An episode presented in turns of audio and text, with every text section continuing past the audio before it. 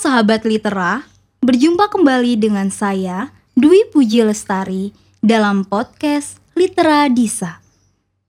Dalam perjumpaan kali ini, saya akan membacakan cerita pendek Kiai Welas.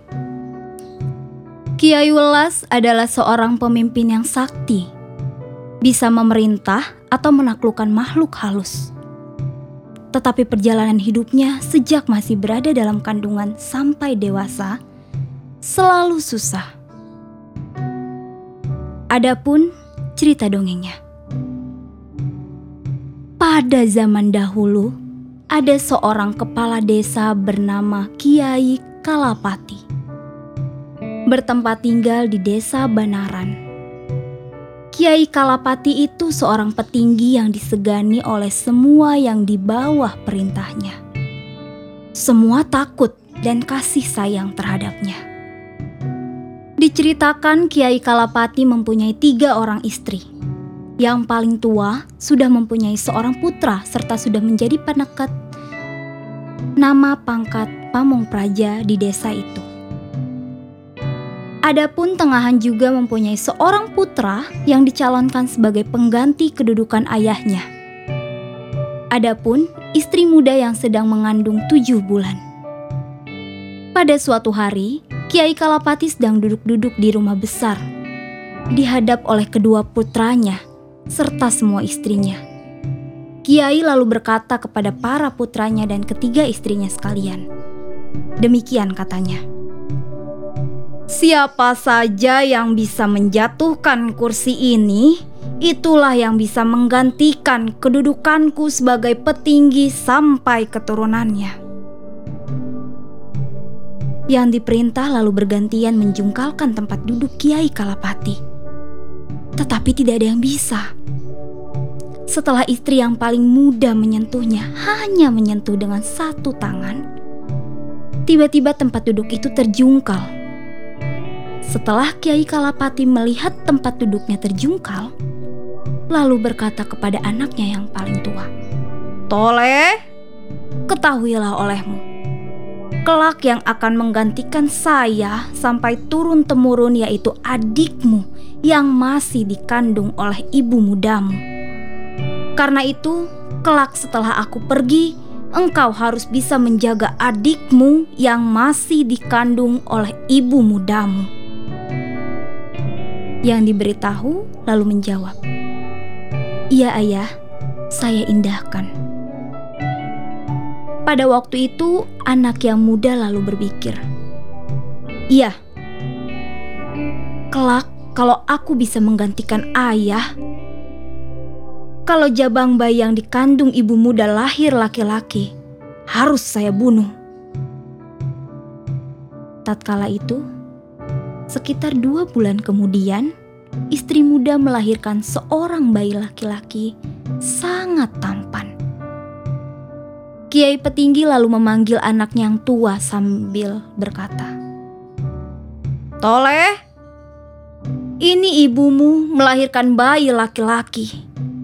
Dialah yang kelak akan menggantikan saya, dan kelak akan membuat rumah dari sini arahnya sebelah tenggara." Di desa Sidalunggu. Engkau pandai-pandailah menjaga adikmu. Anak yang tua menjawab, "Ya, Ayah." Sambil memperhatikan jabang bayi, dari dicatat dalam hati, memang adiknya sudah ada tanda-tanda calon petinggi. Diceritakan, tiada berapa lama kemudian sang Kiai Kalapati wafat pada mangsa sada, mangsa 12, bulan besar, tahun alif. Anak yang tengahan lalu diangkat menjadi petinggi bernama Kiai Kalapati kedua. Tersebutlah anak ibu muda lalu diberi nama Amat serta diberi pengasuh yaitu kakeknya yang bernama Kijala. Selama anak tengahan menjadi petinggi, anak yang tua selalu bersedih hati karena teringat pesan ayahnya. Diceritakan, Kiai Kalapati kedua teringat pesan ayahnya tentang anaknya ibu muda yaitu adik Amat. Akhirnya ia mempunyai niat jahat, bermaksud menghilangkan musuhnya, dan berpikir demikian. Kalau si Amat tidak kubunuh, tentu tidak selamanya aku menjadi petinggi. Akhirnya, lalu memanggil kakaknya. Setelah sudah sampai, lalu diberitahu demikian. Abang, sekarang juga abang saya perintahkan membunuh Amat karena mengganggu saya menjadi petinggi. Akhirnya, abang lalu pergi dari tempat itu sambil berpikir demikian. Kalau saya menuruti kehendak adik petinggi membunuh adik Amat, berarti saya tidak mengindahkan pesan ayah yang sudah tiada. Kalau adik tiada saya bunuh, saya bohong kepada pembesar. Namun saya berat pada pesan ayah. Karena walaupun perintah pembesar, tetapi itu tidak benar. Kemudian ia pergi ke rumah ibu muda. Kebetulan ibu muda sedang mengasuh bermain dengan putranya. Utusan yang disuruh berkata, "Ibu, saya kemari disuruh adik pertinggi supaya membunuh adik Amat. Ibu Amat setelah mendengar lalu menangis. Ia minta dibunuh sekalian. Putra tertua lalu menceritakan pesan-pesan ayahnya. Ibu senang hatinya, serta minta bantuan bagaimana sebaiknya. Akhirnya diajak pulang kembali ke asalnya di desa Setra. Ibunya menyetujui lalu berangkat. Tersiarlah kabar berita di Banaran bahwa putra Kiai Kalapati membunuh adiknya dan mengusir ibunya. Setelah sampai di desa Setra, lalu diserahkan kepada saudara sepupunya, serta dipesan bahwa tidak boleh membuat berita kalau ketempatan si Amat. Yang diserahi juga mau. Setelah sudah pesan demikian, utusan tadi lalu pulang ke Banaran. Ganti yang diceritakan di desa Banaran, Kiai Petinggi mendengar kabar bahwa adiknya masih hidup, serta sekarang bertempat tinggal di desa Setra. Lalu marah sekali, kemudian memanggil abangnya. Setelah datang, lalu ditanya, "Abang, bagaimana?" Mengapa engkau tidak melaksanakan perintah penguasa? Dahulu abang saya suruh membunuh adik Amat sudah mau. Padahal sekarang masih hidup, bertempat tinggal di desa Setra. Abangnya menjawab, Iya, aku menurut kehendakmu. Lalu berangkat diiringi pegawai desa. Di jalan, mereka berbincang-bincang mengeluarkan rasa hatinya. Demikian. Bagaimana adik petinggi kemauannya seperti itu? Kok tidak menyadari kekurangannya? Perangkat desa menjawab, "Ya, demikian hamba tidak mengerti rahasianya. Hamba mohon diberitahu agar jalan hamba ini mengerti rahasia, tidak hanya ikut-ikutan. Karena ini rahasia, hamba mohon keterangan yang jelas." Yang ditanya menjawab, "Dengarkanlah, tetapi ini rahasia. Jadi, ia hanya dipakai sendiri."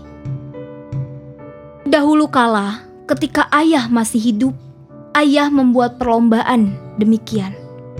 Barang siapa yang bisa menjungkalkan tempat dudukku, itulah yang akan menggantikan saya sampai turun-temurunnya. Pada akhirnya tidak ada yang bisa Bahkan saya sendiri juga tidak bisa. Setelah ibu muda yang melakukan, tempat duduk itu lalu terjungkal. Padahal ibu sedang hamil adik amat. Kemudian ayah berkata kepada saya, "Engger," panggilan kepada anak muda. "Ketahuilah olehmu bahwa kelak yang bisa menggantikan saya sampai keturunannya yaitu adikmu yang masih dalam kandungan. Kalau adikmu yang tengah tidak bisa karena dia tidak laki-laki, Oh, demikian. Jadi hamba sekarang mengerti. Lalu sekarang bagaimana kehendakmu Tuhan? Yang ditanya menjawab, begini. Nanti, kalau saya sudah sampai di Setra, adik akan saya usir dari Setra. Biarlah ke mana tujuan perginya. Kalau memang adik itu kodratnya menjadi petinggi, selamat seketurunannya pasti menjadi petinggi.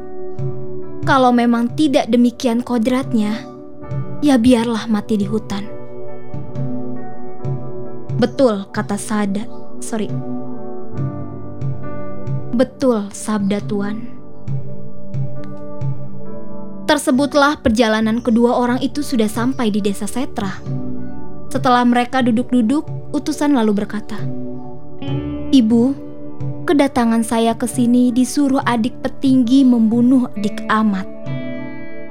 Tetapi saya ingat pesan ayah dahulu. Jadi saya lebih berat pesan ayah. Ibunya menjawab, "Ya, kalau demikian, lalu bagaimana?" Saya diberitahu. Putranya yang tua menjawab, "Begini, Ibu. Demikian, namanya masing-masing sedikit. Saya juga patuh kepada perintah pembesar, tetapi juga berat pesan ayah. Sekarang panggillah adik. Amat lalu ke situ bersama Kijala. Kemudian abangnya berkata, "Adik, ketahuilah olehmu, kedatanganku di sini, aku disuruh adik petinggi supaya membunuhmu." Tetapi aku ingat pesan ayah dahulu. Jadi ya, kita berbagi sedikit. Sekarang engkau pergilah dari sini. Tidak boleh membawa teman. Sudah, turutilah kata-kataku adik. Mereka yang mendengar sekalinya memuji abangnya. Amat memang sudah terang akan tanda pada kodrat kehendak Tuhan. Amat sanggup lalu berangkat Sepeninggal Amat, abangnya dan perabot desa lalu pamit pulang ke Banaran. Diceritakan perjalanan Amat telah jauh sekali, sekendak hati. Tersebutlah perjalanan utusan dan perabot setelah sampai di Banaran terus masuk ke rumah petinggi. Berkata bahwa adiknya telah dibunuh. Kiai petinggi mendengar perkataan abangnya sangat gembira setelah selesai berbincang-bincang, mereka lalu bubar, pulang ke rumah masing-masing. Tersebutlah perjalanan Amat kira-kira sudah dua tahun lamanya. Senantiasa menginjak hutan, keluar masuk hutan. Maksud hatinya hanya mohon keadilan kepada Yang Maha Kuasa. Selama berada di hutan, yang dimakan hanyalah buah-buahan setelah sudah tiga setengah tahun lamanya, lalu tersesat di hutan ketangga, semua binatang yang buas-buas semuanya takut kepada yang sedang berkelana. Setelah merasa lelah, ia lalu beristirahat di bawah pohon beringin sambil memperhatikan buah beringin berwarna putih. Di situ Amat lalu tertidur Beringin putih tersebut konon dahulu tanaman Mahaprabu Sidula, raja di Sigalu. Di dalam tidur itu, lalu ada seorang pendeta yang kerap kali datang di hutan. Melihat ada anak tidur lalu dibangunkan. Katanya, Buyung, bangunlah. Jangan hanya tidur saja. Bangunlah. Aku yang datang, Buyung. Amat lalu bangun dan terkejut. Mengapa ada orang berpakaian serba hitam serta membangunkannya? Amat lalu duduk serta bertanya, "Tuan, siapa dan ada keperluan apa? Mengapa membangunkan saya?" Pendeta menjawab, "Oh, Buyung, engkau ingin tahu? Ya, aku ini pendeta yang mengembara." Amat lalu menyembah sujud Pendeta bersabda lagi, "Engkau jangan enak-enakannya tidur di sini. Cepatlah, engkau pergi lurus ke barat dari sini. Jangan berhenti kalau belum habis tenagamu. Karena ketahuilah, engkau ini calon petinggi sampai seketurunanmu.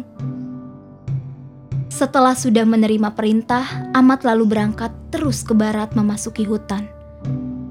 Sang pendeta pun terus melanjutkan perjalanannya. Tersebutlah perjalanan Amat senantiasa menyimpang jalan. Siang malam berjalan, naik gunung turun jurang. Di situ lalu sampai di Gunung Jamur Dipa. Setelah sampai di situ, Amat lalu roboh karena sangat lelahnya. Akhirnya ada seorang wali kelana lalu bertanya, Nantilah nah, apa yang menjadi tujuanmu hingga engkau sampai di sini? Amat pun menjawab apa adanya. Wali kelana bersabda, Mari, majulah saja. Aku beri semua kesaktian, syarat, benda, dan sebagainya yang dapat menimbulkan kesaktian. Di situ lalu diwejang pengetahuan dan kesaktian serta mantra asmaragama atau ilmu pengetahuan orang menjadi penguasa. Amat berkata, Terima kasih Eyang, semua hamba junjung tinggi. Wali Kelana bersabda lagi, Sekarang lalu pulanglah kembali ke asalmu, tetapi dengan syarat engkau berguru dahulu. Nanti sementara saya akan datang ke asalmu yaitu Banaran. Saya yang akan menunjukkan bahwa engkau ada di sini. Karena pada waktu sekarang ini abangmu sedang prihatin. Karena merasa kekurangannya, yaitu bukan laki-laki. Demikian juga kakakmu petinggi. Mereka menutupi malu karena dikuasai dimiliki orang yang tidak laki-laki. Lalu mengandung geduk supaya samar. Karena itu, abangmu akan kuberi rangka radan atau sarung keris yang tidak ada pasangannya, tidak lengkap lagi. Untuk memberi teka-teki kepadamu. Adapun jawabannya supaya engkau menutupi rahasia abangmu. Sudah, hanya ini pesanku nah. Cepat-cepatlah engkau berangkat hari ini juga. Amat lalu mohon diri terus berangkat. Dalam sekejap, mata sudah sampai di desa Pager tempat tinggal guru. Diceritakan di desa Pager, Kiai Pager sedang duduk di surau. Di hadap para murid semua, sedang enak berbincang-bincang dengan para siswanya. Mendadak, kedatangan Amat lalu ditanya, Engkau itu siapa? Namamu dan anak dari mana? Jawabnya, Hamba anak dari Banaran. Nama hamba Amat kedatangan hamba ke sini akan belajar mengaji dan belajar sastra. Kiai menjawab, "Oh, iya nak. Kebetulan di sinilah tempatnya belajar sastra dan mengaji. Kalau demikian, segeralah engkau pergi ke surau. Nanti saya ajar mengaji turutan." Amat menjawab, "Ya, baiklah." Selama diajar, apa yang diajarkan Seketika itu dapat dipahami aman. Kiai Pager heran sekali dalam hati. Lalu berkata, Anak ini tidak sewajarnya. Saya kira bukan anak sembarangan menilik kelebihan dan pandangannya. Kiai lalu berkata kepada Amat, Eh, Amat, sekarang lakukanlah membaca Quran selama tujuh hari tujuh kali. Amat menyambut baik lalu mulai membaca Quran. Diceritakan di desa Banaran, petinggi kebetulan sedang duduk seorang diri, memikirkan kisah hidupnya, lalu berkata dalam hati, "Ya, kalau begitu memang betul pesan ayah almarhum. Jadi saya membunuh adik itu saya tidak benar, sebab melalaikan pesan ayah dan tidak menyadari kekuranganku." Kiai petinggi lalu pergi ke pertepaan, mohon keterangan kepada Yang Maha Kuasa. Selama dalam bertapa, kebetulan lalu kedatangan wali kelana. Kiai petinggi melihat kedatangan wali, lalu menyembah sujud serta memberi penghormatan. Wali kelana bertanya, Nak, apa yang menjadi sebabnya? Mengapa engkau menderita sedih? Kiai petinggi berkata, Sepertinya hamba tidak usah bercerita. Tuan sudah mengetahui. Wali Kelana berkata lagi, "Betul katamu. Sekarang dengarkan ya. Saya beritahu. Umpama adikmu masih hidup, engkau bagaimana?" Kiai Petinggi berkata, "Aduh, Eyang, si adik sudah hamba bunuh. Hamba suruhan abang hamba. Adapun apabila adik masih hidup, Hamba juga bermaksud baik dan sekarang adik ada di mana? Wali Kelana menyembah sujud.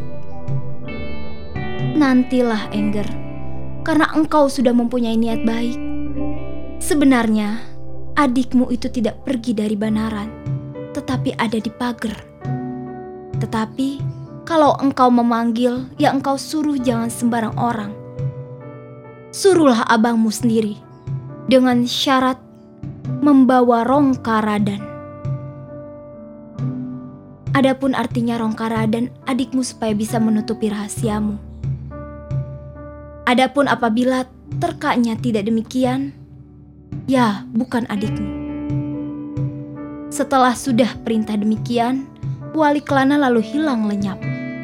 Kiai petinggi lalu memanggil abangnya, kemudian juga datang lalu berkata demikian. Abang, engkau saya suruh pergi ke pagar. Mohon bertanya kepada Kiai, apa betul di situ ada anak bernama Amat? Kalau memang ada, ia disuruh menerka teka-teki saya berupa rongkarandan. Silahkan terimalah. Abangnya menyanggupi, lalu berangkat ke pagar. Tersebutlah Kiai Pagar sedang enak berbincang-bincang. Tiba-tiba datanglah utusan dari Banaran. Kiai Pager lalu menyambut utusan berkata, Kiai, saya disuruh adik petinggi minta murid yang bernama Amat. Apa ada? Kiai Pager menjawab, Iya, ada. Itu sedang membaca Quran. Setelah Amat datang, abangnya lalu berkata, Oh dik Amat, ketahuilah saya disuruh abangmu petinggi engkau disuruh menerka teka-teki berupa rongkaraden. Amat mendengar, tersenyum di dalam hati. Lalu berkata, Saya sanggup menerka, tapi saya ingin bertemu sendiri. Amat lalu diantar ke rumah Kiai Petinggi. Sesampainya di sana, lalu ditanya, Bagaimana? Bisa atau tidak? Amat menjawab, Iya abang, saya disuruh menutupi rahasia Tuan karena abang itu tidak laki-laki. Kiai petinggi setelah mendengar demikian lalu langsung memeluk adiknya. Minta maaf. Amat berkata, Apabila lapang hati abang, kakak itu hanya berpura-pura hamil. Sekarang harap dibuang saja. Abangnya menuruti, juga lalu dibuang. Kemudian Amat disuruh bertempat tinggal di rumah itu. Amat juga bersedia. Tersebutlah Amat setiap hari selalu menikmati kebahagiaan, bersenang-senang. Pada suatu hari, Amat dipanggil oleh abangnya lalu diberitahu. Adik, jangan hanya selalu enak-enak menikmati kesenangan. Amat tidak sabar lalu pergi bertapa ke hutan. Selama bertapa, Amat senantiasa berpikir, karena malunya lalu tidak pulang. Akhirnya menjadi pendeta, membangun desa baru di hutan itu, serta berganti nama Kiai Welas. Belum berapa lama sudah terkenal kepandaiannya. Akhirnya, Kiai Welas mempunyai murid banyak.